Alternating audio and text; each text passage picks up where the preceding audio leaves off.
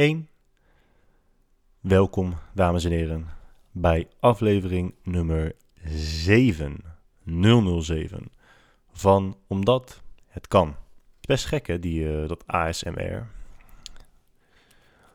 Staat voor Autonomous Sensory Meridian Response. Ik weet niet wat het is, waarom mensen daar zo... Uh... Ja, voor sommige mensen is het gewoon een fetish. Het is eigenlijk, eigenlijk gewoon een fluisterfetish. Of een fetish voor bepaalde geluiden die heel erg... Ja, ik weet het niet, ik kan het niet, ik kan het niet heel goed uitleggen. Ik ben er nu even toevallig over aan het lezen. Niet omdat ik het heb, of omdat ik daar last van heb, maar puur omdat ik uh, interesse in heb. Want alles wat vreemd is, vind ik interessant. Alleen het uh, loopt best wel wijd uiteen als je kijkt naar de verschillende voorkeuren die mensen hebben. Sommigen willen gewoon een vrouw horen fluisteren over verschillende dingen. Anderen luisteren naar seksgeluiden. Daar kan ik me nog iets bij voorstellen. Sommige dingen zijn gewoon raar. Heel zacht het geluid horen van een blikje dat opengemaakt wordt. Wat ik trouwens zo meteen wel ga doen. Uh, dat is geen product placement. Ondanks dat je gewoon een Apple MacBook op het scherm ziet. Of op camera ziet. En je ziet een, een blikje Cola. Maar voor beide krijg ik uh, geen geld. Dus uh, we blijven gewoon lekker armoedig. Maar ik ga nu wel even een blikje openmaken. ASMR.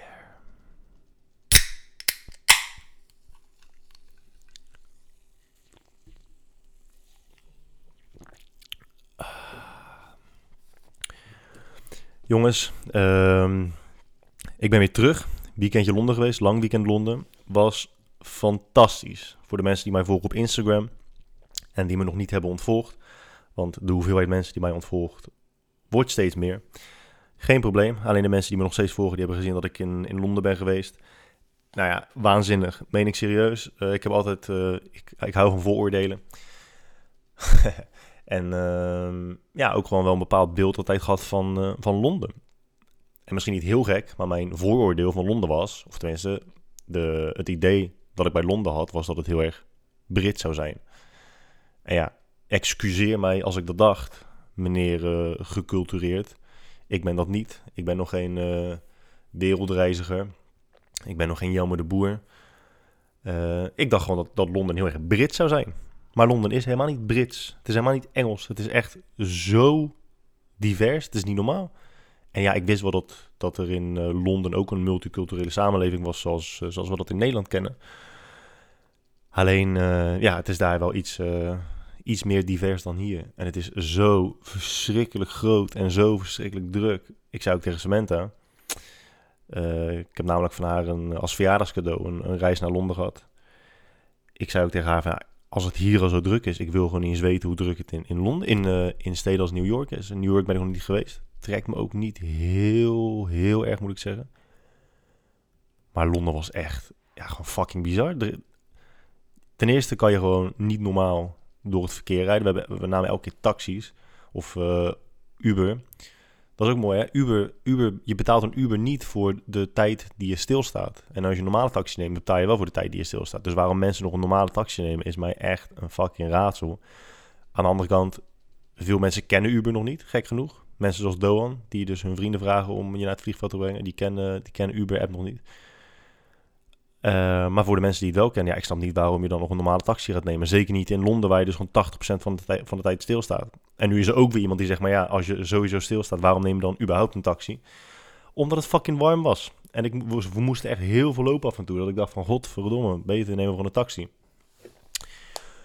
Maar uh, ja, je kan niet normaal rijden. Het is echt overal, in alle buurten is het druk. Mensen hebben daar ook geen auto's. Hè? Ik vroeg ook aan de taxichauffeur, want, want je ziet eigenlijk alleen maar taxis, bussen en Ubers. Je ziet heel weinig privéauto's. Mensen rijden daar gewoon geen auto. Uh, veel mensen hebben een chauffeur, de rijkere mensen. En ja, je kan ook gewoon nergens parkeren. Dus iedereen gaat gewoon... En met de fiets gaan mensen ook niet. Want we hebben het een paar uur geprobeerd op de fiets gaan. Maar dat is echt levensgevaarlijk. De stad is er gewoon niet naar gemaakt om met de fiets te gaan. Dan heb je natuurlijk altijd van die fucking idiots, die toeristen die denken... Ja, we gaan lekker met de fiets. Zeker als je uit Nederland komt. Doe het gewoon niet als je in Engeland bent. Want de bussen hebben scheid aan je. En die bussen zijn fucking gigantisch, hè. Het is geen RET-bus. Het, is, e- die, het zijn echt grote bussen. En die rijden gewoon dwars doorheen als het moet. Ik vroeg ook waarom, het, eh, ik vroeg ook waarom er zoveel huurfietsen zijn... als A, niet heel veel mensen ze gebruiken... en B, de stad er niet naar gemaakt is. Maar dat komt dus door de huidige burgemeester en de vorige burgemeester. Die zijn heel erg, ehm, ja, heel erg gericht op uh, duurzaamheid, milieuvriendelijkheid. Die rijden zelf ook geen auto. Dus die, uh, die willen gewoon eigenlijk heel erg pushen dat mensen fietsen gaan gebruiken. Maar ja, de stad is daar nog niet klaar voor. Uh, meerdere taxichauffeurs vertelden ook gewoon dat het, ja, dat het gewoon levensgevaarlijk is. Dat er, echt, dat er laatst een week was waar volgens mij acht fietsers dood zijn gereden in een week. Vind ik best veel. Vind ik, ja, vind ik best veel ben blij dat ik er niet bij zat. Maar ja, voor die anderen is het best wel vervelend. Wil je nu opnieuw opstarten om ze te installeren? Dude, Apple vraagt je echt om de drie minuten of je updates wil installeren. Nee, vraag morgen. Maar uh, ja, ik kan Londen wel echt aan iedereen adviseren. Het is echt we hebben op de, heenweg, op de heenweg hebben we er 50 eh, minuten over gedaan en de terugvlucht 40 minuten of zo. En dat is mooi, want dan zit je in het vliegtuig en dan zegt de piloot... Uh, ja, jongens, dames en heren, excuses voor, voor de vertraging. Maar we gaan ons best doen om tijd in te halen en sneller terug te vliegen. Dus op de terugweg waren de 40 minuten, hebben we er 40 minuten over gedaan. En dan denk ik, hè, sneller terugvliegen. Dus al die 30 jaar dat ik in een vliegtuig heb gezeten, heb ik in vliegtuigen gezeten die dus niet op hun snelst vliegen. Waarom vlieg je niet gewoon zo snel als dat je kan? Je hebt toch, je, hebt toch geen tegenliggers, je hebt geen last van verkeer. Vlieg gewoon zo snel als, als dat je kan. Weet je hoe kut het is om in een vliegtuig te zitten en dan te horen, ja, we gaan nu sneller vliegen om tijd in te halen. Doe dat gewoon sowieso. Waarom moet ik nou weer langer dan nodig is in een vliegtuig zitten? En daarnaast, de alle piloten zijn piloten geworden omdat ze geen podcasters kunnen worden. Want piloten zouden echt de allerslechtste podcasters in de wereld zijn. weet je, dan zit je, dan zit je lekker en dan gaat het meestal zo. Hmm, goedemiddag dames en heren, mijn naam is Guy Droog en ik ben jullie piloot voor vandaag. Naast mij zit en het weer vandaag is zonnig en, uh, en, en, ja, wij willen u bedanken voor het vliegen met uh, KLM. En we hopen nu. En dan denk ik, bro, what the fuck zeg je allemaal? Wat is het nut van praten als niemand je verstaat? Piloten zijn onverstaanbaar. Letterlijk niemand verstaat je, hè? Niemand. Echt helemaal niemand. En ze willen en dat je aandachtig luistert, omdat als je je koptelefoon op hebt uh, en je koptelefoon is verbonden met het systeem van het vliegtuig, dan gaat jouw muziek uit, jouw film gaat uit, zodat je de piloot kan horen. Uh, en ze vragen ook letterlijk je aandacht. Maar niemand verstaat je. Waarom, waarom is het niet een minimum vereiste dat als je piloot wil worden, dat je te verstaan bent? Want niemand verstaat je. Echt helemaal niemand. niemand verstaat je.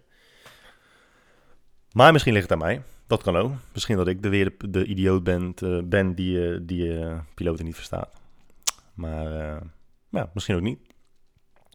Had laatst ook, tenminste laatst, in mijn eerste podcast ging het ook even kort over service hè, in Nederland. En dat we nog best wel achterlopen op heel veel verschillende manieren. En Londen is daar ook echt wel weer het bewijs van, jongens, jongens, jongens, het is daar echt zo goed geregeld. Um, het is, ja, het is daar echt, echt zo goed geregeld. Ten eerste weten ze daar dat je. Ja, ik, ik haat om te zeggen dat klant koning is. Want soms is, soms is de klant gewoon echt fucking irritant. Maar ze serveren je super snel. De service is ook oprecht. Hè? Kijk, er zijn gewoon heel veel landen waarbij je hard moet werken voor de tip die je krijgt. Omdat je dus als, uh, als, als ober minder dan het minimum betaald mag krijgen, omdat je van je fooi afhankelijk bent. In Londen is dat niet zo, daar krijgen opers ook gewoon salaris. Maar nog steeds doen ze zo een onwijs hun best. En daar heb je ook, net als in, in bijvoorbeeld Dubai, als je daar naar een, een mooi restaurant gaat, heeft het echt een thema. In Nederland is het, is het thema altijd hipster, met eten uit verschillende keukens. Dus het thema wordt daar in Nederland vooral bepaald door de keuken. En, en in, in andere landen bouwen ze het hele restaurant om het thema heen. Dus het is echt veel meer een ervaring dan dat het alleen maar het, om het eten draait. En ja, mensen, mensen helpen je gewoon echt beter. Het is sneller. Hier heb ik echt gewoon meer dan regelmatig gehad dat je gaat zitten en dat je wacht en wacht en wacht en het komen en mensen komen maar niet en ze komen niet. En dan na 20 minuten komt iemand aan je tafel staan met zo'n pen en uien gezicht van, oh, uh, kan ik jou misschien helpen? Dan denk ik, ja, nou ja, in principe wel. Dat is godverdomme je werk. Dus als je mij zou kunnen helpen, zou dat top zijn. Of moet ik hier nog drie kwartier zitten? Ja, dat gebeurt daar gewoon niet. En hier heb ik ook heel vaak het gevoel dat als iemand zijn excuses aanbiedt, dat het dan uh, een ingestudeerde, dat het ingestudeerde, dat het ingestudeerd die excuses aanbieden is. En je merkt heel snel het verschil tussen of het ingestudeerd is of dat het gewoon oprecht is. En daar, in landen waar de service goed is, bieden mensen ook hun excuses aan op momenten dat je het niet eens verwacht en eigenlijk ook bijna niet eens nodig vindt. Maar dat zij de standaard, de lat hebben ze zo hoog gelegd dat ze al heel snel het gevoel hebben dat ze tekort schieten en dat ze hun excuses aan moeten bieden. Het kan ook zijn omdat de verwachtingen hoog zijn in dat soort landen, dat, de, dat het personeel ervan uitgaat dat jij teleurgesteld bent en daarom dus al snel hun excuses aanbiedt. Maar hoe dan ook is het best wel prettig als je gewoon het gevoel hebt dat iemand zijn absolute best probeert te doen om jou het aller, allerbeste te geven. Ja, en het is al honderd keer gebeurd, jongens, maar het gebeurt nu gewoon weer. Ik hoor weer. Ik hoor weer geluiden voor de deur. Dus ik ga heel even mijn cameraatje openen. Terwijl ik uh, willekeurige woorden in de microfoon blijf. Nee, er is niks aan. Uh, dus ja, als je, als je van service houdt, dan is Londen ook echt wel een aanrader. Uh, echt waanzinnige restaurants. We, zijn, we hebben NH ik eet inderdaad wel veel als, het, eh, als ik de mogelijkheid krijg. Uh, en zeker als het uh, ook nog eens betekent dat ik niet zelf hoef af te wassen of, of, hoef, of hoef op te ruimen. Uh, maar in Londen, ja, dit was echt niet, niet normaal. Nogmaals, voor de mensen die me op Instagram volgen. Guy, laagstreepje droog. Ja, die hebben het in mijn stories gezien. Het ging helemaal nergens over. Het was, het was opstaan uh, het was opstaan, een plek zoeken voor ontbijt, rond half elf, elf. Eten, veel eten, niet, uh, niet conservatief uh, één maaltijd bestellen, altijd twee of meerdere dingen. Vervolgens naar buiten, binnen twee uur weer eten. Vervolgens binnen twee uur weer eten. Vervolgens om acht uur s avonds achterlijk veel avondeten elke keer. Vervolgens terug naar het hotel en dan s'avonds op het, op het terras bovenin op de, hoe heet het nou? Roof terrace, dakterras. Ja, dakterras ging zo klein. Het was dus een grote bar bovenop het dak. Weer snacken. Ja, het was, het was echt niet normaal. En dat zie je uiteindelijk ook wel aan je, aan je bankrekening natuurlijk. Daar heb ik laatst al over nagedacht. Mensen die zeggen vaak van... Ja, je moet... Uh, je, moet, je hoeft niet per se zoveel geld uit te geven, want je moet ook kunnen genieten van de kleine dingen. En ja, daar ben ik het mee eens. Daar ben ik het sowieso mee eens. Maar ik heb wel het gevoel dat mensen die dat zeggen, vooral mensen zijn die nooit de kans hebben gehad om veel, heel veel geld uit te geven. En dat bedoel ik helemaal niet neerbuigend, want nou, ja, dat is gewoon niet neerbuigend. Dat is gewoon hoe ik het, uh, hoe ik het observeer. Als je veel geld, als je de, de mogelijkheid hebt om veel geld uit te geven, dan heb je ook de mogelijkheid om weinig geld uit te geven. Dus stel je voor, jij bent iemand die zegt: nee, je hoeft niet veel geld uit te geven. Uh, moet je niet doen. Je moet gewoon genieten van de kleine dingen in het leven. Je moet genieten van in het park lopen. Je moet genieten van uh, streetfood voor een paar euro. Ja, maar dat zijn dingen waar mensen die wel veel geld uitgeven ook gewoon van kunnen genieten. Tenminste, dat is natuurlijk een keuze die je maakt. Maar het kan wel, de mogelijkheid is er. Andersom is de mogelijkheid er niet. Als jij niet de mogelijkheid hebt om veel geld uit te geven, hoe kun je dan oordelen over dingen die veel geld kosten? Dat is best interessant. Kijk, heel veel dingen hoeven niet veel geld, veel geld te kosten. Daar ben ik het absoluut mee eens. Maar je kunt mij niet wijsmaken dat een hotel voor 8 euro per nacht, waarbij je gewoon tussen de stinkvoeten van vreemden ligt, of een, host, weet je, een hostel of zo, dat jij daar net zoveel van kunt genieten als een hotel voor 500 euro per nacht. En als jij vindt dat dat wel is, dan moet je wel ook echt kunnen zeggen dat je dat tweede een keer hebt gedaan. Je kunt, je kunt niet op voorhand zeggen: ik geniet net zoveel van in een hostel slapen als in een heel duur hotel, zonder dat je ooit in een duur hotel bent geweest. Dat, dat kun je gewoon niet zeggen. Dat, is, dat slaat gewoon nergens op. Je kunt geen. Je kunt geen mening hebben over hoe je iets zou ervaren zonder dat je het ooit hebt ervaren. Dat vind ik heel gek. Maar goed, mijn punt van dit alles is dat we echt weer tering veel geld hebben uitgegeven. En we hebben ook dingen gedaan die geen, niet veel geld kosten. Maar het, ja, als je, als, je heel veel, als je meer opties hebt, geeft dat je gewoon meer het gevoel van vrijheid. En dat is, gewoon, dat is heel erg prettig. Tenminste, zo ervaren, ervaren wij het. Maar ja, dan ga je achteraf nadenken en denk je, holy shit. Ja, ja de laatste zes maanden. We zijn in, uh, met, uh, met de jaarwisseling zijn we in Dubai geweest. Toen zijn we ook nog met uh, een groep vrienden voor mijn verjaardag zijn we in mei in Israël geweest. Nou, nu dus Londen. Alleen maar die drie vakanties bij elkaar hebben gewoon bijna, ja, gewoon bijna 20.000 euro gekost. En dat slaat eigenlijk helemaal nergens op. Enerzijds zeg je van ja, dat is, dat is absurd veel geld. Dat, dat is het ook echt. Maar aan de andere kant, je, kan het ook, je kunt het ook uitgeven aan andere dingen. Dat, zijn, dat zijn in dit scenario even de enige twee opties. Je kunt het uitgeven aan andere dingen, of je kunt het niet uitgeven. Ja, optie B ben ik geen voorstander van. Iedereen die mij kent weet dat ik echt veel te veel geld uitgeef. Daarom is mijn vermogen ook gewoon laag. Ja, ik, geef gewoon te veel geld uit. Op het moment dat ik geld heb, geef ik het uit. Omdat ik het, ja, daar hou ik gewoon van.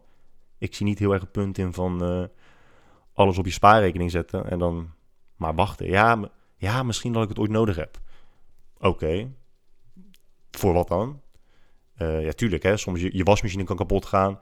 Stel je voor, je wasmachine gaat kapot, je droger gaat kapot, je laptop gaat kapot, je auto gaat kapot. Allemaal tegelijkertijd. Even afhankelijk van wat voor auto je hebt. Laten we zeggen dat je auto 10, ja, laten we zeggen dat je een auto hebt van 10.000 euro. Al die andere dingen bij elkaar zijn dan 1500 euro. Dus dan zou je eigenlijk ten alle tijden, te allen tijden, um, 12.000 euro op een spaarrekening apart moeten hebben. Gewoon voor het geval dat alles in één keer fout gaat. Volgens mij adviseren ze je om uh, zes maanden lang je vaste lasten als spaargeld te hebben op je bankrekening. Um, en ja, dat, dat vind ik best wel netjes. En als je veel meer dan dat gaat sparen, ja, dan moet je echt afvragen waar je het voor doet. Waar, waar heb je al dat geld voor nodig? Is het om te investeren? Weet je, ja, er zijn gewoon heel veel mensen die, die sparen heel veel geld zonder dat ze een concreet doel hebben ervoor. Ze hebben gewoon geld om, om maar geld te hebben. En dan wel vaak, ja, ik hoor wel regelmatig van mensen van, zo, jij geeft zoveel, je hebt, je hebt echt wel een lekker leven, je doet het wel goed. Je, hebt, weet je, je gaat hierin, je gaat daarin, je eet zus, je eet zo, heb je goed geregeld. Denk van, ja, maar jij kan het ook gewoon doen, alleen je kiest ervoor om het geld niet uit te geven. En ja, ik kies er te vaak voor om het geld wel uit te geven. En misschien doe ik het verkeerd, hè. Misschien dat, dat dat niet goed is. Misschien dat ik een keer keihard tegen de lamp aanloop en denk, fuck, had ik dat maar nou niet gedaan. Maar al die herinneringen die je hebt gecreëerd met het uitgeven van geld, want dat is uiteindelijk waar ik geld prettig voor vind, voor de dingen die je ermee kunt doen, ja, dat kun je me nooit meer ontnemen. En aan de andere kant, als je ervoor kiest om geld niet uit te geven, kun je wel heel veel dingen mislopen. Eh, ja, ik ben, ik ben niet fan van de, ik ben geen fan van de uitspraak van je moet elke dag leven alsof het je laatste is, want dat slaat ook helemaal nergens op, want dan ga je echt balzout, dan, dan trek je nu heel je rekening leeg en ga je gewoon maar doen wat je wil doen. Maar ik ben ook totaal geen fan van de gedachte, van de aanname van ja, we worden toch allemaal heel oud, dus ik heb nog alle tijd. Ik heb niet het idee dat ik uh, moet haasten of zo, maar ik heb ook echt niet het idee dat ik me in moet houden. En weet je, soms vragen mensen, ja, waar zie je zo over 10 jaar, over 20 jaar? What the fuck? Ja, weet ik veel. Waarschijnlijk zit ik over 10 jaar nog steeds deze, deze podcast uh, op te nemen. Maar misschien ook niet. Maar ja, ik ga daar geen plannen voor maken, man, donderop. Vijf jaar, vijf jaar doe ik. Ik, doe niet eens einde, ik weet niet vaak aan het einde van het jaar sta. Over zes maanden. Echt geen flauw idee. Echt geen flauw idee. Andere levensvragen waar ik me mee bezig hield in Londen. De eerste paar dagen zag ik helemaal geen zwervers, helemaal geen daklozen. Ik zei ook tegen Samantha van, waar, waar zijn alle daklozen? In, in Parijs zie je er heel veel, heel veel vluchtelingen in Parijs. Uh, maar in, in Londen zag je ze gewoon bijna niet. En toen, ja, toen moment, op een gegeven moment kwamen ze wel. Het is gewoon verschillend een beetje per wijk.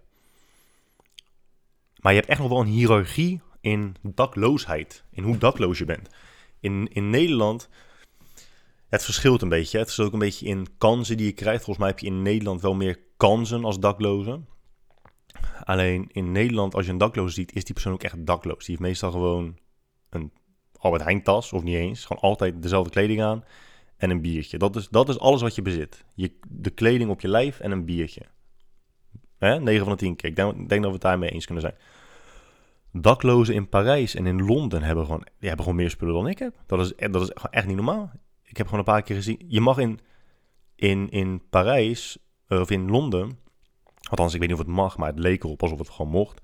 Je mag in, in, in Londen mag je dus echt, als je dakloos bent, je mag gewoon settelen. Je mag gewoon een, een galerijtje pakken of een, uh, of een verlaten winkelpand en dan voor de deur gewoon gaan kamperen. Die mensen hebben tenten en dozen. Ik heb op een gegeven moment gewoon een gast gewoon zien liggen met zijn voetjes in de lucht. Die was een boek aan het lezen. Die had een kommetje met melk en cornflakes. Dat is, een, dat is gewoon... Hij ontbijt beter dan ik in Nederland ontbijt. En hij, hij, hij, nou, hij zag eigenlijk best wel chill uit. Hij was lekker een boekje aan het lezen. Hij lag in het zonnetje. Nu zeg ik niet dat hij een fantastisch leven heeft. Maar hè, wat dakloosheid betreft... Doe je dan nog best, ja, dan doe je het nog best wel goed. Ik denk dat hij misschien wel de burgemeester van de daklozen was. En wat ook gek is... Zijn de honden van zwervers zwerfhonden. Kijk, als je dakloos bent, of als je een zwerver bent, ja, zwerven is zo, zo uh, neerbuigend. Dus laten we het gewoon bij dakloos. Als je dakloos bent, een dakloos persoon, betekent het volgens mij dat je geen vast woonadres, dat je geen woonadres, dat je geen, dat je geen dak boven je hoofd hebt. Um, als je een zwerfhond bent, betekent het dat je geen baasje hebt. Zeg ik dat goed? Maar als je een zwerver bent en je hebt een hond, is die hond geen zwerfhond. Vind ja, vind ik ook best gek. Maar als, als de hond van een zwerver wel een zwerfhond is, waarom mag het dan? Want in Nederland mag je volgens mij niet, weet je wel, maar overal gaan en staan waar je wilt als dakloos. Althans, in, in Rotterdam worden ze gewoon bijna altijd weggestuurd. Maar ze mogen wel een hond bij zich hebben. En dat vind ik zo fucking irritant. Ik, ik heb zoveel medelijden met die honden altijd. En enerzijds denk ik, ja, moet je die mensen hun hond afnemen? hun, waarschijnlijk hun enige echte, echte loyale, betrouwbare vriend. Aan de andere kant denk ik, ja, weet je, dierenmishandeling, dierenleed, daar zijn we allemaal heel erg mee bezig. Uh, we houden er niet van als dieren lijden. Zeker niet als het dieren zoals honden zijn. En ja, ik weet het, jongens en meiden. De bio-industrie is echt verschrikkelijk. Daar ben ik ook absoluut geen voorstander van. Ik ben geen vegetariër. Uh, ik zie niet heel erg het nut in van altijd mijn extreme handelen. Ik kies voor de middenweg. Ik eet aanzienlijk minder vlees uh, dan vroeger. En als ik de keuze heb, kies ik voor, tussen aanhalingstekens, beter vlees. Ja, ik weet het. Uiteindelijk gaat elk dier dood. Dus dat maakt me niet beter. Of dat maakt me niet beter als ik voor beter vlees zou kiezen. Ik maak trouwens altijd aanhalingstekens als ik zeg beter vlees. In de lucht met mijn vingertjes. Maar uh, ja, ik zie ook niet echt het nut in van iedereen maar vegetariër laten worden. Ik denk niet dat we dat een, een vegetarische wereld uh, uh, houdbaar is. Maar ja, dus, dus met dieren als honden zo vind het, vind het al gauw een heel stuk zieliger. En toch zijn die honden, zie je gewoon vaak aan, zodat ze fucking ongelukkig zijn. En denk ja, waarom mag dat dan wel? Als een hond aantoonbaar ongelukkig en slecht behandeld en ondervoed is in een huis, mag het niet. Dan kan je hond afgenomen worden. Maar honden van zwervers mogen dus wel gewoon zo blijven. Ik vind het heel vaag, echt heel vaag. En ik, weet nog, ik heb nog steeds geen antwoord op de vraag van... Is, zijn, de honden van, zijn de honden van zwervers zwerfhonden? Volgens mij niet, omdat ze een baasje hebben. Ja, een, ze hebben een eigenaar. Dus dat maakt ze geen zwerfhond. Maar ja, ze zwerven nog steeds op straat. de belangrijke vraag uit het leven? In Londen is ook alles... Je ik had het toevallig vanochtend met een klant over.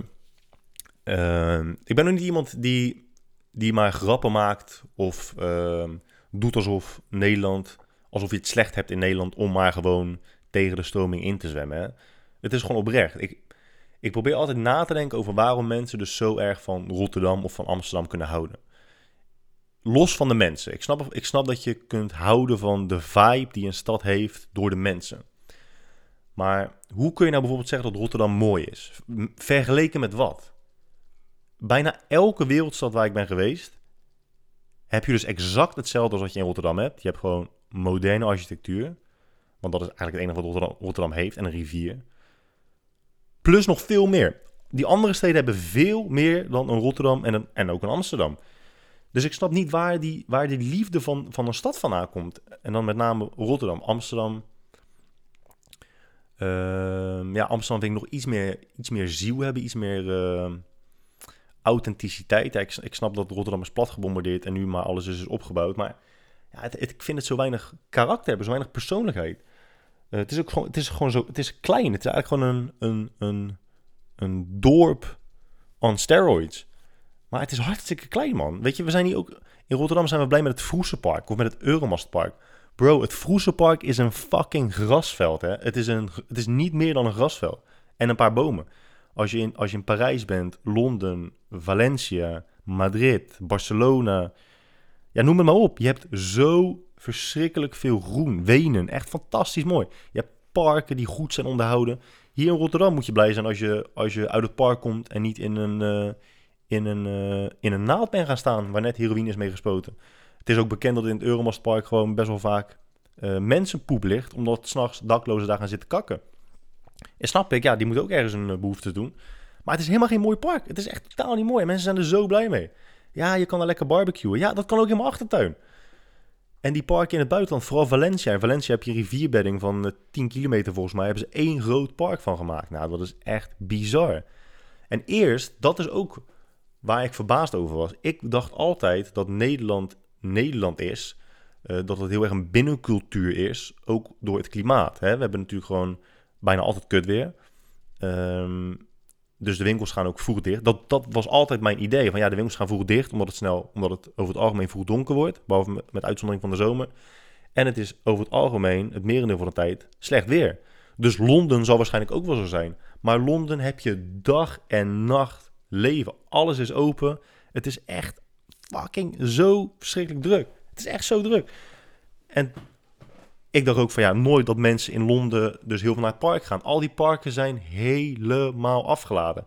Hier is dat niet zo, omdat er gewoon een reden te doen is. Maar toch zijn de Rotterdammers zijn trots op hun parken. Maar soms heb ik ook het idee dat je maar trots moet zijn om trots te zijn. Weet je wel, hetzelfde dat je, dat je fan bent van een voetbalclub. Ik ben fan van Feyenoord. Ja, het maakt niet dat ze heel vaak verliezen. Dat je ook altijd verbaasd bent, weet je wel? Als je, als je fan bent van een club die meestal, geen, die meestal geen kampioen wordt. Waarom is het dan een verrassing als je club geen kampioen wordt? Statistisch gezien is de kans toch gewoon heel erg klein dat ze kampioen worden. Dus ja, waarom ben je dan elke keer verrast? Dat snap ik, dat snap ik niet zo Maar goed, ja, ik vind, ik vind het heel erg jammer, hè? want ik, ik ben wel iemand die meer van, van naar buiten gaan is. Uh, maar alles, Nederland is er niet naar gemaakt. Maar we hebben wel goede snelwegen. Dat zeggen mensen altijd. Hè? We hebben wel goede snelwegen. Maar alles is wel goed geregeld hier. Mhm. Zeker, alles is heel goed geregeld hier. Het is ook gewoon omdat je het goed hebt hier. Hè? Als jij het eh, financieel goed hebt, heb je het over het algemeen in de meeste landen goed. Als je het financieel slecht hebt, heb je het over het algemeen in de meeste landen slecht. En ik weet het, hè? het is geen uh, aan-uitknop. Je hebt echt wel gradaties in hoe slecht je het kunt hebben. Maar als je het financieel goed hebt, dan hoef je het over het algemeen hoef je het over, hoef je over het algemeen niet zo heel veel zorgen te maken over, over waar je woont. Omdat je het gewoon, uh, ja, omdat je het wel goed kunt hebben.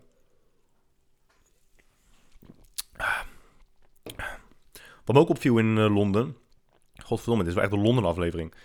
Meestal als je in een stad bent, dan heb je de, het toerisme. Hè? En je hebt uh, het, hele, het hele snelle leven, technologisch ontwikkelde leven, de jonge generatie. En heb je altijd um, barretjes of parkjes of gewoon plekken waar oude mensen uit de stad samenkomen.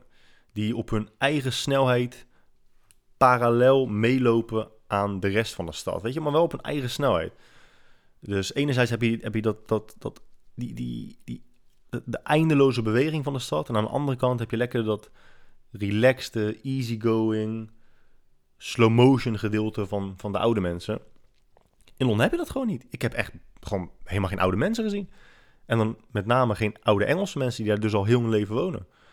Uh, misschien dat ik gewoon niet goed heb gekeken. Misschien dat het door de hitte... Het was fucking warm. Misschien dat het door de hitte... dat ze gewoon vooral binnen zaten. Maar ja, ik vraag me af uh, of, dat, of dat ook echt waar is. Of daar gewoon weinig oude mensen wonen. Dat ze meer naar, uh, naar de countryside, meer naar om Londen heen zijn gaan wonen. Waar het nog een beetje groen is en wat rustiger. Want ik kan me voorstellen dat je daar als oud persoon, dus als 32-plusser, niet zou willen wonen. Dat het je allemaal net iets te, net iets te snel gaat. Je hebt daar ook zelfs ochtendcocktails. Zie je, zie al voor je dat je in Nederland door de week lekker een eitje gaat eten bij een, bij een ontbijtzaak. En dat je zegt, doe mij maar lekker een ochtend, ochtendcocktail. Nee, in Nederland zijn we daar eigenlijk veel, veel te behouden voor. Veel te normaal. Nee, nee, het is nog geen, eh, het is nog geen vijf uur geweest. Dus het is nog geen tijd voor alcohol. Nogmaals, het is niet dat ik zeg dat je heel dag alcohol moet, zou moeten drinken. Maar als iemand ervoor kiest om het te doen, doe dan niet zo godverdomme conservatief. Nee, het is nog geen zes uur geweest. De zon is nog niet onder. Oh, oh, oh, oh, oh. hey jongens, ik moet jullie heel even, heel even storen. Uh, want ik moet eerst even zeggen dat natuurlijk deze aflevering mede mogelijk is gemaakt door Under Armour. Binnenkort krijg ik ook weer een lading aan kleding binnen van hun nieuwe collectie. Het zag er echt weer uh, waanzinnig mooi uit. Dus ik ben benieuwd uh, hoe het mij allemaal gaat passen. Daarnaast, natuurlijk zoals altijd mede mogelijk gemaakt door Jimmy Joy.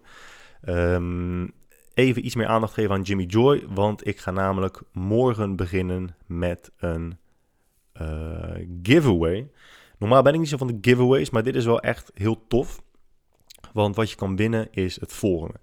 Ik ga vijf pakketjes weggeven.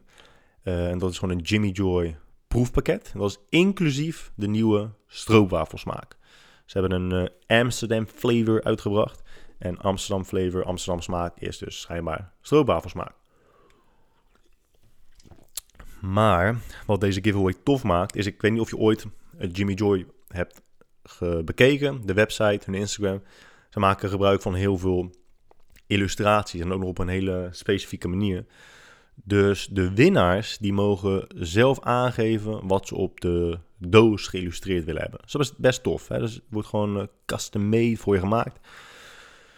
Dus als jij, uh, als jij wint, kun je dus ook aangeven wat je geïllustreerd zou willen hebben vijf pakketjes. Ik ga dus morgen beginnen. Uh, morgen, als je dus een foto van mij ziet op social media, Instagram, uh, guy, laagstreepje, droog, dan moet je het volgende doen. Uh, de foto moet je liken en je moet Jimmy Joy volgen op Instagram. Ik ga dat natuurlijk morgen ook gewoon onder de foto plaatsen. Uh, daarnaast moet je vijf vrienden taggen om hetzelfde te doen. Want uh, zo kun je dus een van de vijf pakketjes winnen. Hou morgen dus Instagram in de gaten.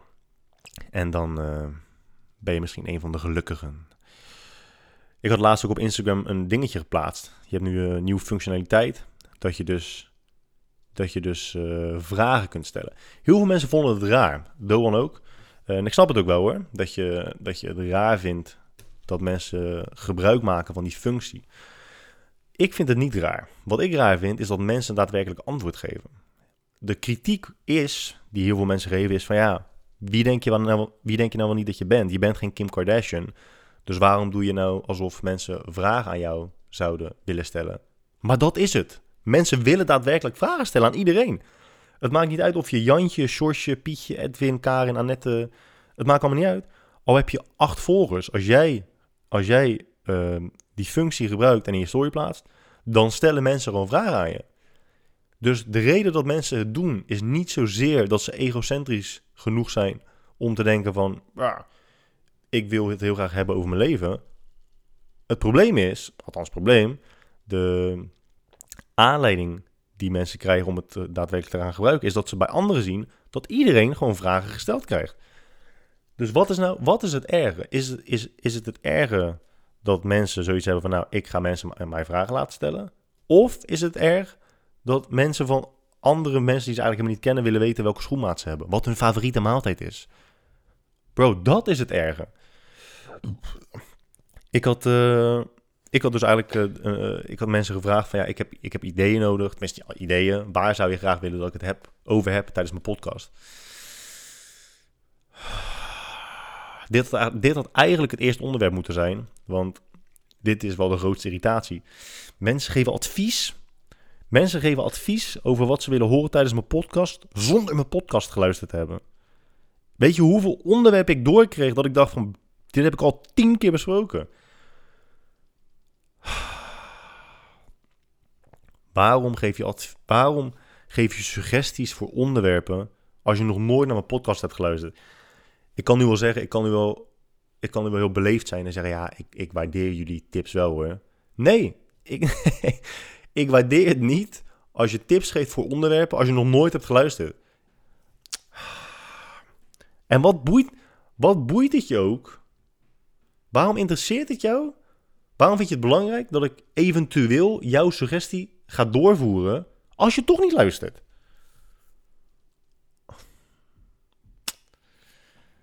Nou ja, maar goed, een, eh, een paar, eh, echt, ik, ik, geen idee waarom, maar uh, een paar mensen zeiden, ja, je moet het over seks hebben. Niet één, niet twee, maar gewoon echt, ik denk een stuk of zes of zeven mensen zeiden, ja, je moet het over seks hebben. Dacht ik, uh, alright. Ja, het is wel een beetje, beetje generiek. Kun je iets specifieker zijn? Ja, dat, dat kon niet iedereen. Dus ik ga het zelf maar gewoon uh, invullen. Ik had laatst een, uh, een video geplaatst op Instagram over...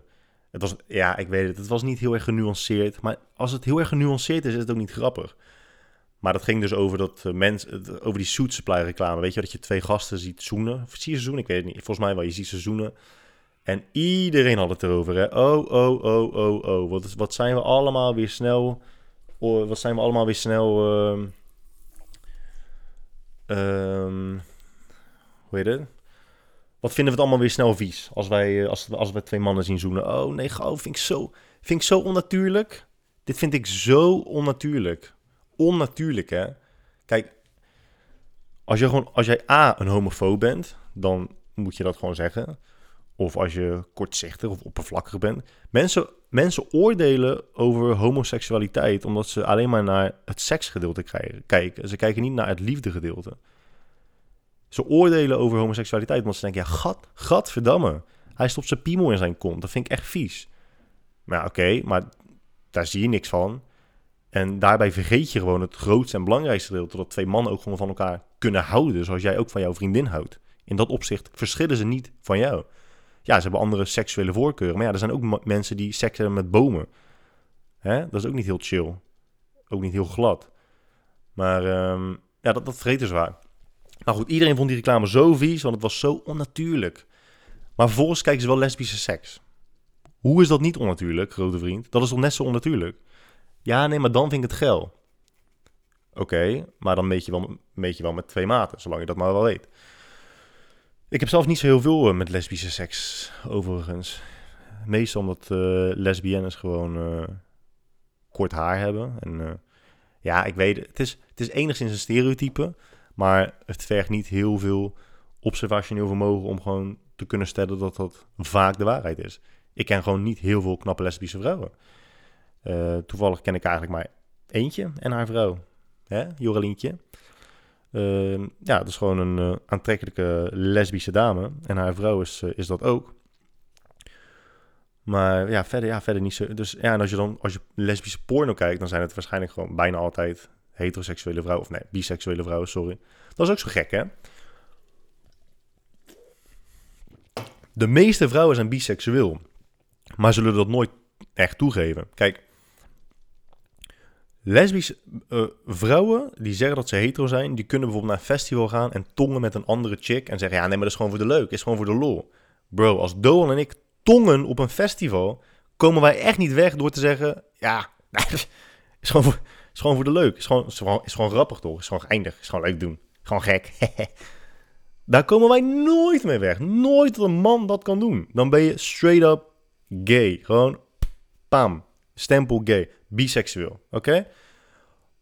Als, als vrouw zijn, dan kan dat wel. Schijnbaar kan je gewoon een vrouw tongen en even een vingertje erin stoppen en gewoon zeggen: nee, nee, maar ik ben gewoon hetero. Dit is gewoon gek doen. Het is gewoon leuk. Ja, gaat er bij mij in. Als jij hetero bent, dan is de gedachte, is meestal al de gedachte van seksuele handelingen verrichten met hetzelfde geslacht afstotend. Laat staan het daadwerkelijk doen. Als, als hetzelfde geslacht tongen niet afstotend voor je is, maar dat je gewoon kunt zeggen, ja, is gewoon gek doen, dan ben je biseksueel. En dat maakt helemaal niet uit. Maakt, ja, maakt totaal niet uit. Als je teksten ziet van, uh, sterker nog, blijf het gewoon vooral doen. Als, jij, uh, als je teksten leest van uh, Griekse filosofen en zo, daar, daar ging het eigenlijk helemaal niet eens over heteroseksualiteit, homoseksualiteit. Je had gewoon seks hebben. Nadeel was dat je dan ook wel regelmatig las dat er seks werd, dat mensen ook seks hadden met kinderen en zo. Dat is iets minder chill. Zeker omdat ze over het algemeen veel te veel beïnvloedbaar zijn en iets minder vrije wil hebben in dat opzicht. Maar daar hadden mensen gewoon seks om seks te hebben. Seks hebben was gewoon iets leuks. Het was gewoon, ja, Het was minder een uiting van liefde, minder een uit- uiting van seksualiteit en meer een uiting van, ja, gewoon zaadloze. Maar dat is, eh, dat is. Ik snap ook nooit zo goed waarom mensen, waarom lesbiennes dan voorbinddildo's gebruiken. Kan me voorstellen dat op een gegeven moment eh, alleen maar het beffen en zo saai wordt. Hè? Maar stel je voor, jij bent een, een lesbische vrouw en jij wilt in doggy genomen worden door jouw vrouw met een voorbinddildo. Waarom neem je dan niet gewoon een man? Hè? Ja. Aan de andere kant, ja, nu ik over nadenk, je zou ook kunnen zeggen, oké, maar guy, waarom doe jij dan niet gewoon je ogen dicht en laat je een man jou afzuigen? Want een mond is een mond. Nee, nee, nee, nee. Ja, oké, misschien, eh, ik, kan, ik, kan, ik kan me er wel iets bij voorstellen dat je zou kiezen voor een voorbinddildo in plaats van een man. Zeker omdat sommige voorbinddildo's ook gewoon 78 centimeter zijn. En dat is iets moeilijker te vinden in een, eh, in een mens. Ja. ik vind het mooi. Heel veel vrouwen. Heel veel vrouwen die. nou, nou, laat ik het anders zeggen. Je hoort wel eens dat, eh, dat vrouwen, mannen trouwens ook, maar vooral vrouwen, vinden dat ze niet genoeg oraal worden bevredigd. Ja, mijn vriendje beft me niet genoeg. En eh, ja, mag voor mij wel vaker. Oké, dat, het, dat het vaker mag gebeuren, staat vast. Dat mag altijd vaker gebeuren. Hè? Tenzij jij dag en nacht uitgereten wordt, eh, mag het waarschijnlijk wel vaker gebeuren. Maar bij sommigen gebeurt het gewoon nooit. Of om de zes maanden, of om de, weet ik veel. Het duurt gewoon echt te lang. Het maakt niet uit hoe je het wendt of keert, het duurt gewoon te lang. Objectief gezien duurt het te lang. En ze snappen niet waarom. Ja, ga je, met, ga je met vriendinnen praten. Ja, misschien houdt hij er niet van. Misschien dit, misschien dat. ehm, misschien weet hij niet hoe het moet. Misschien is hij onzeker. Altijd op de man afschuiven. Kan het niet gewoon zijn dat je kut stinkt? Gewoon even, een gekke vraag, hè? Ik ben wel van, eh, van eh, zelfreflectie, kritische zelfblik. Kan het niet gewoon zijn dat je een stinkpoes hebt? Heb je, zelf, heb je jezelf die vraag wel eens gesteld? En dit is echt, het is niet bedoeld om grappig te zijn. Het is niet bedoeld om mensen te choqueren. Dat je denkt, ah, zei die nou stinkkut? Ja, ik zei stinkkut. Kan, het, kan dat niet gewoon zo zijn? Heb je wel eens gewoon je eigen middelvinger zo diep mogelijk ingestoken, eruit gehaald en even onder je neus langs halen?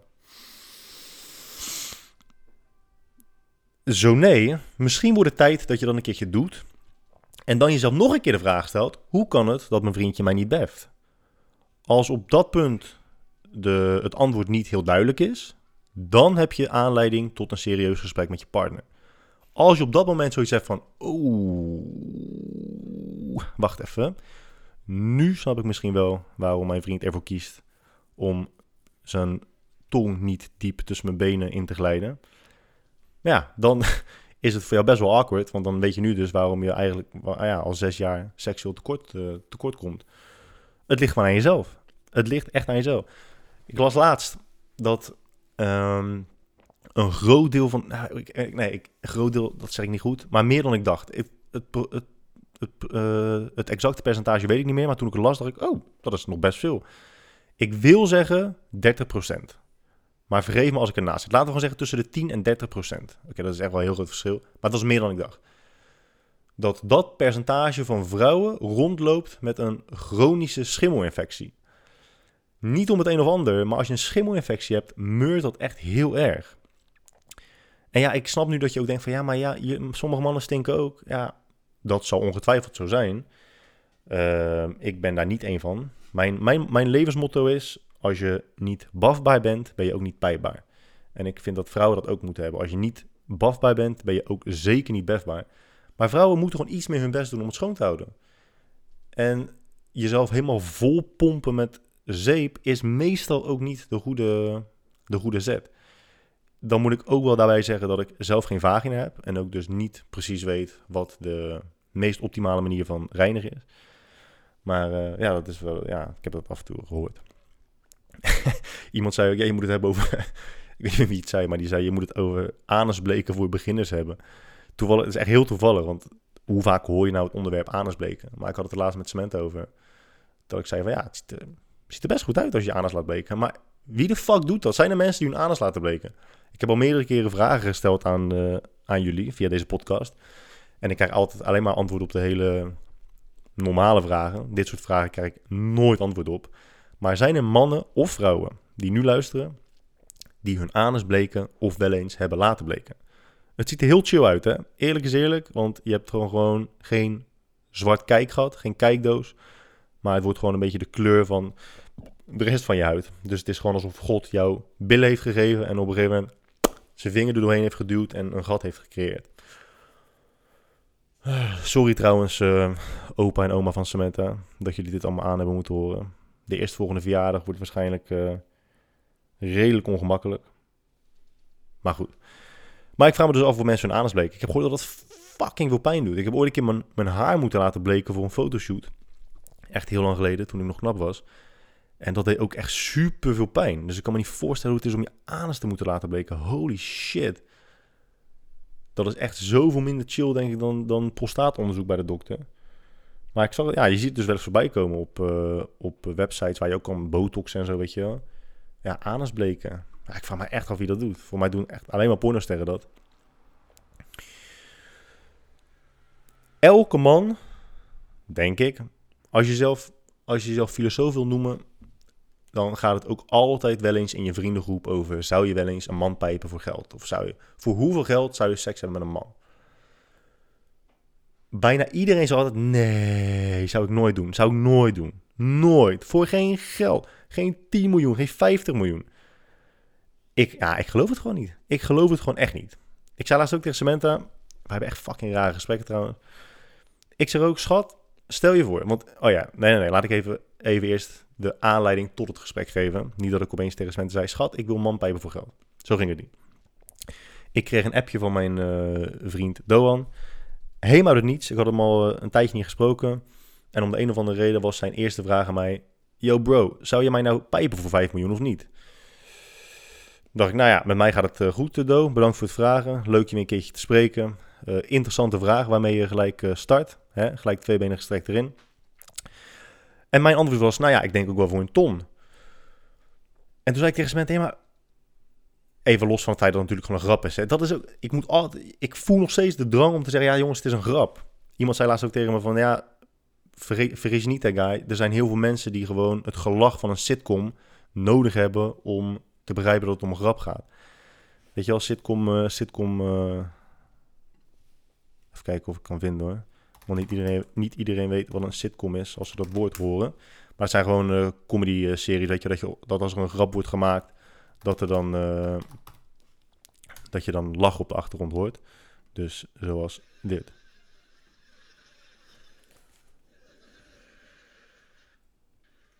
Ja, ik weet niet of jullie het horen. Dat.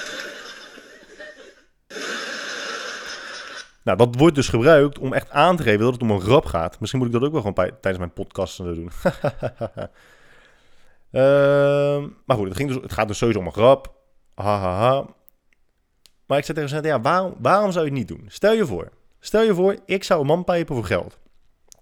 Ten eerste, het maakt me nog steeds geen homo, want ik doe het letterlijk voor het geld en niet omdat ik het lekker zou vinden. Ik zou het waarschijnlijk ook doen met regelmatig uh, kokhalzen. Het enige wat ongemakkelijk is, dat daarna is je relatie best wel raar. Ik stel je voor, je doet het bij een vriend van je. Ja, hoe de fuck ga je daarna nog kerst vieren samen met elkaar? Dat is toch heel gek? Maar als je het één keer zou moeten doen en je zou, fuck, je zou 50 miljoen... Hoe kan je nou zeggen, nee, voor 50 miljoen zou ik het niet doen? En dan heb je ook vrouwen die zeggen, nee, ik zou nooit seks hebben voor geld. Nee, oké, je doet het wel gratis, maar op het moment dat je ervoor betaald zou krijgen, zou je het niet doen. Nee, heel logisch. Je bent echt zo, wat ben jij ethisch verantwoord zeg. Je laat je wel helemaal tot de rand toe volspuiten door een vreemde die je net een half uur hebt staan tongen in een uh, club. Maar nee, iemand die jou 5 miljoen zou betalen om seks met je te hebben, nee, dat zou ik niet doen. Ik zou nooit geld aannemen. Je hebt zoveel moderne hoeren die voor alles laten betalen en dan gratis seks hebben. Dat, dat maakt je nog steeds niet beter. Je bent gewoon nog steeds een hoer. Geeft niet. Maar jezelf voordoen als wat anders is, uh, is uh, zo onnodig, want daar prikt iedereen doorheen. Maar goed, uh, voordat je nu denkt, voordat je nu luistert en je bent multimiljonair en man en denkt, oh ik ga Guy even een berichtje sturen. Eerlijk is eerlijk, als het erop aankomt, zou ik er wel echt even over na moeten denken. Maar ja, ik snap niet waarom mannen daar zo zo moeilijk over doen. Ja, je bent gewoon, ik snap het wel. Je bent gewoon heel snel bang dat iemand over je denkt dat je misschien wel homo bent. Laat ze dat lekker denken. Ben je wel, ben je wel en iemand waarvan sommige mensen denken dat je homo bent. Lekker belangrijk. Laat ze lekker denken. Je spoelt gewoon drie keer je mond met Listerine. Je verandert je achternaam en je emigreert. Done. Done deal. Klaar. Makkelijkste geld die je ooit hebt verdiend. Maar er moeten wel voorwaarden aan zitten. Weet je, soms uh, vragen mannen dan ook vragen vrienden aan je van ja, weet je, zou je ook eh, seks hebben met een man? Of zou je jezelf laten doen? Ja, het ligt eraan, weet je. Kijk, ik zou, je, zou het eerder, je zou het eerder laten doen door een, een vriendelijke Nederlandse jongeman met een penis van 12 centimeter, dan door een, uh, een, een, Somaliër met een paardenlul van 34 centimeter. Ja, daar word je gewoon echt wel minder vrolijk van. Er moet ook tijd aan gekoppeld zitten. Hè? Je kan niet jezelf drie kwartier. je, kan, je kan niet. je kan niet met, met je maag. Fucking hell. Je kan niet met je maag en anus 45 minuten lang volgepompt worden. Ja, dat ga je, dat ga je waarschijnlijk gewoon niet overleven. Dus er moet wel, je moet wel een soort van, er moet een klok 10 minuten, maximaal 10 minuten. En je moet weten dat, dat je daarna niet naar huis gaat met uh, aids. Dat is ook wel, hè, heeft wel echt wel de voorkeur. Anders gaat het bedrag wel aanzienlijk omhoog. Maar goed, het is, het is iets om over na te denken. Hè? Als je een keertje niks te doen hebt.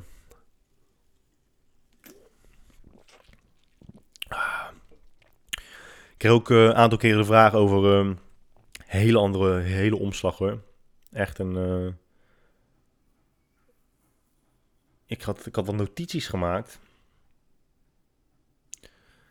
Oh ja, nee, ik snap het alweer. Ik snap wel weer het over. In ieder geval, ik had ook een aantal keren... Mensen willen nog steeds weten wat mijn fitnessdoelen zijn. Dat hadden ook een paar mensen. Ja, wat zijn jouw fitnessdoelen? Dat geeft me ook wel het idee dat mensen niet echt luisteren naar, uh, naar de podcast hoor toen ik nog heel veel online coaching deed, momenteel doet uh, Michael Servino al het online coachen. En daar ben ik uh, heel blij mee, want hij doet het gewoon echt fantastisch. Maar als je online coach bent, dan zie je mensen die coachhoppers zijn. Die gaan van de ene coach naar de andere, naar de andere, naar de andere, naar de andere. En bij elke coach die ze ook hebben, zeggen ze: Zo, je bent echt de beste die ik ooit heb gehad. Zelfs als vrouwen die zeggen: Ja, dit zou ik normaal nooit doen. Maar um, ja, je bent de beste coach die ik ooit heb gehad. Zeggen ze tegen iedereen. Um, maar die willen gewoon elke coach geprobeerd hebben. Hetzelfde is met de meningvraag van coaches of gewoon van mensen die bezig zijn met fitness. Want ik weet, ik weet dat het waar is, omdat social media openbaar is. En je ziet gewoon dat dezelfde mensen die jou bepaalde vraagt, dat mensen die jou bepaalde vragen stellen, diezelfde mensen stellen dezelfde vragen aan heel veel andere mensen die actief zijn binnen de fitnessindustrie. Omdat je gewoon de neiging hebt om continu maar bevestiging te zoeken voor, voor wat jij doet goed is. Dus mensen gaan dan aan je vragen, ja, wat vind je van dit? Wat vind je van zus? Wat vind je van zo? Ja, waarom moet je dat van mij weten? Je hebt het al van 38 anderen gehoord. Maakt de 39ste persoon die het jou vertelt nou echt zoveel verschil? En waarom wil je mijn fitnessdoelen weten? Ik, ik, tuurlijk, hè, het is enigszins wel complimenteus dat je, op, dat je schijnbaar oprecht interesse hebt in waar ik naartoe wil gaan wat fitness betreft. Maar, ja, maar waarom? Want als je die vraag stelt, heb ik dus niet het idee dat je actief bezig bent met luisteren naar wat ik zeg. Want als je dat wel zou doen, dan zou je weten dat ik helemaal... Ik ben al, ik denk wel jaren niet meer actief bezig met fitnessdoelen nastreven. Wat voor fitnessdoel moet, moet, je, ja, moet je nog hebben? Weet je, ik heb een periode gehad dat ik gewoon echt, nou ja, mijn inziens heel erg goed in shape was. Redelijk sterk. Niks vergeleken met powerlifters die, uh, die kampioen worden. Maar ik kan, nog, ik kan nog redelijk mee kunnen draaien. Dan ben je in ieder geval, behoor je procentueel tot de sterkste mensen van de wereld. Dat vergeten mensen ook vaak, hè. Je vergelijkt jezelf altijd met mensen op Instagram. Maar als jij, al kan je maar 100 kilo bank drukken, dan behoor je al procentueel tot de sterkste mensen in de wereld. Omdat de meeste mensen, veruit de meeste mensen, dat niet kunnen en nooit zullen kunnen. Maar goed, heel goed fysiek, behoorlijk sterk. Um, ja, wat, wat is de volgende stap? Of inderdaad powerlift-wedstrijden meedraaien of bodybuilding-wedstrijden meedraaien. Nee, dat hoeft voor mij allemaal niet. nee. Dus dan, dan houden de fitnessdoelen al heel snel op. En ik ben ook niet iemand die zegt als recreant... van ja, ik bankdruk nu bij wijze van 125 kilo... Um, en ik wil nu binnen een jaar 130 kilo kunnen bankdrukken. Ja, nee, daar ga ik me helemaal niet mee bezighouden. weet je, we zijn, we zijn veel te gericht op het uh, cosmetische aspect. Terwijl fitness ook gewoon, krachtsport is ook gewoon gezond. En als ik mijn shirt uitdoe, kan ik nog steeds redelijk mezelf uh, vertoonbaar maken op het strand. Ik doe er niet meer heel veel voor. Ja, ja wat wil ik nog meer? Dat is toch dat is heerlijk. Ik heb super veel tijd voor andere dingen. Nu moet ik wel zeggen dat als ik kijk naar foto's van vroeger, dat ik dan denk, god damn, weet je, dat, dat was wel een heel stuk beter. Dus misschien moet ik dat uh, weer een klein beetje oppakken. Ik train nu ook oprecht één keer in de maand, serieus. Niet, niet serieus, maar ik bedoel, ik train nu één keer serieus in de maand. Snap je wat ik bedoel? Dus niet, niet dat ik niet serieus train. Ik één keer in de maand gewoon serieus. Uh, en dan de rest doe ik nog ja, af en toe een oefening mee met een klant. Of ik doe tussendoor, tussendoor even één of twee oefeningen. Maar niet dat ik echt gewoon een sessie van een uur, anderhalf uur eruit knal. Dat, ja, dat gebeurt gewoon echt zo goed als nooit meer. En ja, ik kan vreten wat ik wil. Wat wil je dan nog meer? Waarom moet ik dan fitnessdoelen hebben? Dus daar hou ik me echt, uh, echt helemaal niet mee bezig. En uh, daarnaast uh, stelden een aantal mensen ook de vraag van... ja, waar, zie jij fitness naartoe gaan? Hè? Hoe gaat de fitnessindustrie zich verbeteren? Of zie jij dat, dat de laatste tien jaar de fitnessindustrie heel erg is verbeterd? Nee, eigenlijk niet. Ik, met de komst van social media kun je makkelijker jezelf aan een groep toevoegen. En heel makkelijk binnen die groep blijven en niks van wat daar buiten gebeurt meekrijgen. Dus stel je voor, je bent nu voorstander van evidence-based fitness. Ik heb het al een paar keer gezegd. Als jij evidence-based coach bent, als jij evidence-based personal trainer bent, hoef je dat niet in je, op je website en op je Instagram pagina te zetten. Want niemand van je klanten weet wat de fuck het betekent. Als, je, als jij zegt ik ben evidence-based coach, dan doe je dat alleen maar om interessant over te komen bij andere coaches. Die mama en papa die jij traint, die, begrijp, die weten niet wat een evidence-based coach is en wat het allemaal inhoudt. Misschien kunnen ze het met enige intelligentie wel zelf invullen. En dan zien ze evidence-based. Oké, nou bewijs. B. Oké, gebaseerd op bewijs. Oh ja, oké, nou ja, gebaseerd op wetenschap. Oké, ja, dat, dat kunnen ze wel zelf invullen. Maar de, de tussen aanhalingstekens officiële benaming gebruiken. Ja, dat is echt alleen maar omdat je op die manier aan wilt sluiten bij een groep die actief is op social media. Dus in principe hoef je dat niet als unique selling point continu naar voren te schuiven. Want het is al lang geen unique selling point meer. Echt, echt al lang niet. Die tijd is geweest. Echt waar. Dat was zes, zeven jaar geleden. Als je zeven jaar geleden begon met ik ben evidence-based trainer dan, uh, dan had je daar echt nog wat aan. Maar nu echt niet meer. Echt oprecht niet. Dat is, niet, het is gewoon goed bedoeld advies. Daar hoef je niet meer continu mee te pronken. Um, maar goed, waar ik dit over tien jaar naartoe zie gaan. Wat ik in mijn laatste podcast ook al zei. Ik doe het nu een jaar of tien. Um, en nog steeds merk je dat zelfs de mensen om je heen gewoon nog steeds niet weten dat je nog steeds na acht uur kan eten.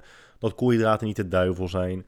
Er zijn nog steeds veel te veel mensen die denken dat aardappelen goed zijn om te bulken, omdat er heel veel in zit.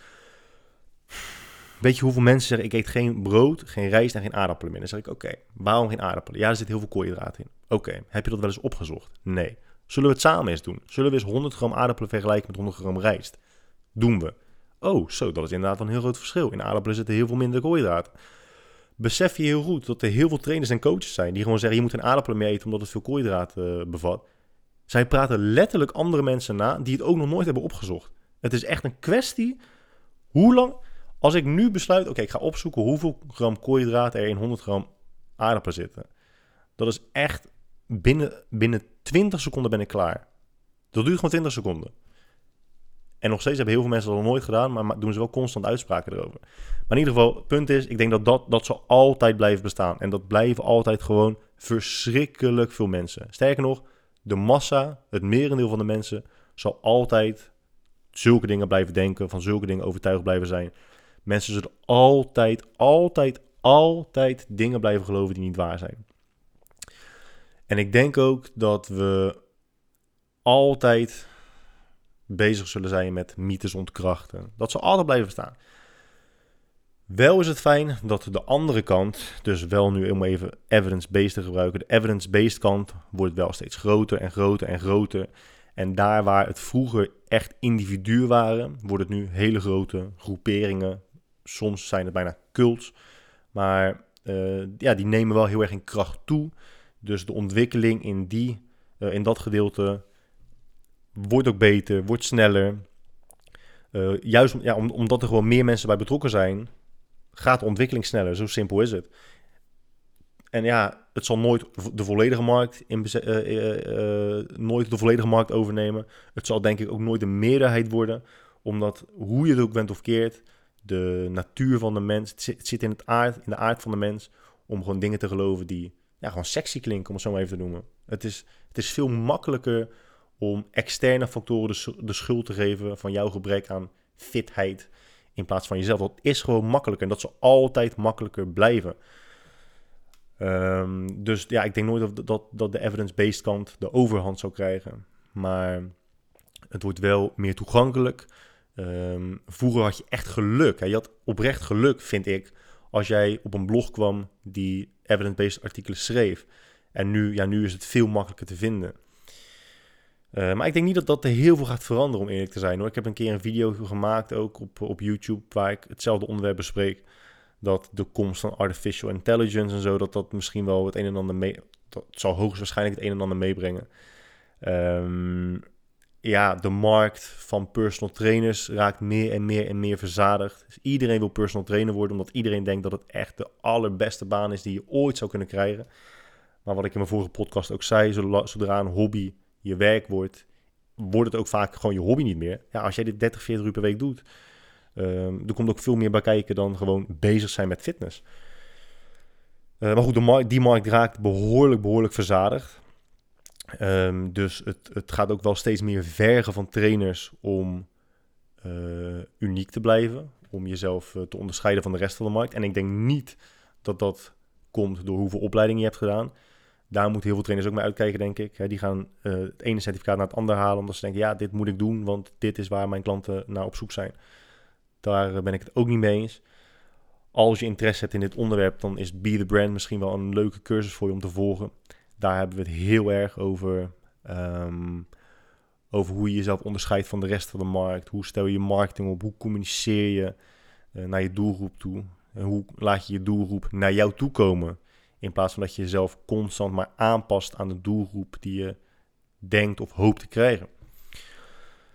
Uh, ja, zoals je ziet, als ik het over fitness heb, dan ja, het is, het is, ik, ik heb het al zo lang hierover. Het is ook helemaal niet meer spontaan. Het is niet iets dat ik denk van, oh, dit is een leuke gedachte, dat is een leuke gedachte, hier wil ik het over hebben.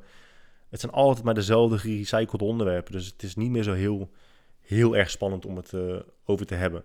Daarnaast moet ik wel eerlijk zeggen dat ik ook niet heel actief meer ben met, uh, met het bijscholen omdat ik wel van mening ben dat, dat als je het merendeel van de mensen wilt kunnen helpen, niet bijzonder veel kennis nodig hebt. Uh, ik denk wel dat je bijzonder veel kennis nodig hebt om heel veel mensen naar je toe te laten komen.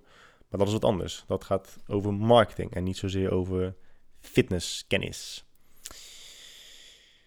Zo, ja, we zijn alweer het uur gepasseerd. Het was weer een lekkere, willekeurige aflevering. We hebben het wel over uh, veel verschillende dingen gehad. Uh, we gaan er gewoon weer lekker een, uh, een einde aan breien. Ik hoop dat uh, jullie hier en daar even hebben kunnen lachen. Of in ieder geval meer lucht uit je neus hebt kunnen blazen dan dat je normaal doet. Dat is voor mij lachen. Als ik, als ik, een, als ik op Instagram een meme lees en ik vind hem grappig, doe ik meestal gewoon... en dat is dan lachen. Dat vind ik ook vind ik altijd zo grappig als mensen dan... als je aan, aan het appen bent met mensen en dan type zegt... En je weet, dat ze, je weet dat ze nooit zo hard lachen. Nooit. Als iemand niet ha ha ha ha ha ha ha Als je oprecht zo hard zou lachen, kan je niet eens zo vaak ha ha ha ha typen. Dat kan toch niet? Waarom typen mensen dan ha ha ha? Is het om te laten weten dat het grappig is? Ja, ja, het is om te laten weten, om jou te laten weten dat ze het grappig vinden. Maar weet je hoe fucking irritant het is als jij in gesprek bent met iemand en in plaats van dat die persoon lacht, dan tegen je zegt: Zo, dat is echt grappig. Zo, ja, dat is echt grappig, man. Ja, zo. Dat is grappig. Moet je voorstellen dat je zo'n gesprek hebt met iemand. Maar op WhatsApp doen we het wel. Ha. Nou ja, ik ben blij dat je mij de bevestiging geeft dat je grappig vindt. Maar ik heb liever gewoon dat je ook echt lacht. En dan hoef je me eigenlijk niet eens per se te laten weten dat je ook echt lacht. Oh ja, en ik zou nog even iets zeggen over een andere vriend van mij, Dex. Ik weet niet of je luistert, Dex. Maar uh, het is niet alleen, niet, niet alleen naar Dex gericht hoor, maar aan iedereen die dit doet.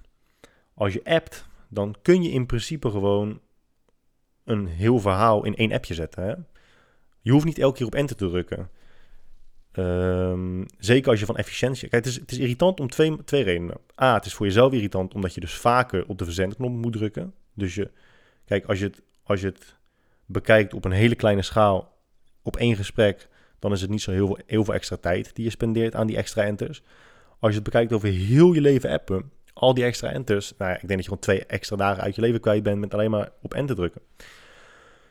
Maar, dames en heren, wat vooral irritant is, is dat de ontvanger heel vaak gezoom hoort. Getril hoort. Mm, mm, mm, mm, mm, mm, Weet je hoe fucking irritant dat is? Als je gewoon en dan denk je, holy shit, dit is echt, nou, dit is echt, uh, hè? hier zit spoed achter. Hier moet ik even naar kijken. En dan kijk je en dan zie je gewoon, haha, oh, oké, nou ja, prima, is goed. Zie ik je dan, hoi. Zet dat gewoon in één appje. En dan, denk je, en dan denken mensen, ja, maar Kai, je bent wel moeilijk, man. Je bent echt, uh, echt een moeilijk persoon. Nee, ik denk, ik denk echt dat ik heel makkelijk ben. Ik vraag zo weinig. Hoeveel dingen vraag ik nou? A, gewoon goede service. B, zet al je shit in één appje. En ja, dat is het. Als je die twee dingen voor mij kan doen, alles in één appje zetten, niet vragen of ik je naar het vliegtuig breng, vliegveld breng, dat is twee. En uh, goede service, drie. That's it. Dan ben ik echt gewoon gelukkig. Dan ben ik echt gewoon gelukkig. Ja. En ik zou ook nog gelukkig zijn als je abonneert op, uh, op, mijn, uh, op mijn podcast. Soundcloud, YouTube en iTunes. Ik zou nog een paar andere websites, een paar andere podcast aanbieders. Uh, omdat een aantal mensen aan me vroegen: ja, kan je ook je podcast daar en daar op zetten? Ik weet niet eens aan mijn hoofd hoe het heet, omdat waarschijnlijk echt maar één persoon het gebruikt. Maar uh, mocht je dus iets gebruiken wat afwijkt van iTunes, Soundcloud, YouTube, check even voor de zekerheid of het daar ook op staat. Mocht het niet zo zijn, zet ik het daar ook nog wel even op. Spotify sta ik niet op, want dan moet je ook weer allemaal, moet je allemaal shit doen waar ik echt helemaal geen zin in heb. Dus uh, hè, pas je gewoon aan en luister maar op een van al die andere opties die je hebt, de podcast. Dames en heren, wederom bedankt. Volgende week wordt het misschien 40 graden. Doe godverdomme een t-shirt aan. Want als ik, ik kan me gewoon echt niet voorstellen dat mensen dan nog steeds een winterjas dragen. Maar goed, zoals we inmiddels hebben meegemaakt, kunnen dingen mij nogal eens verrassen. Ik uh, zie jullie volgende week en uh, tot ziens.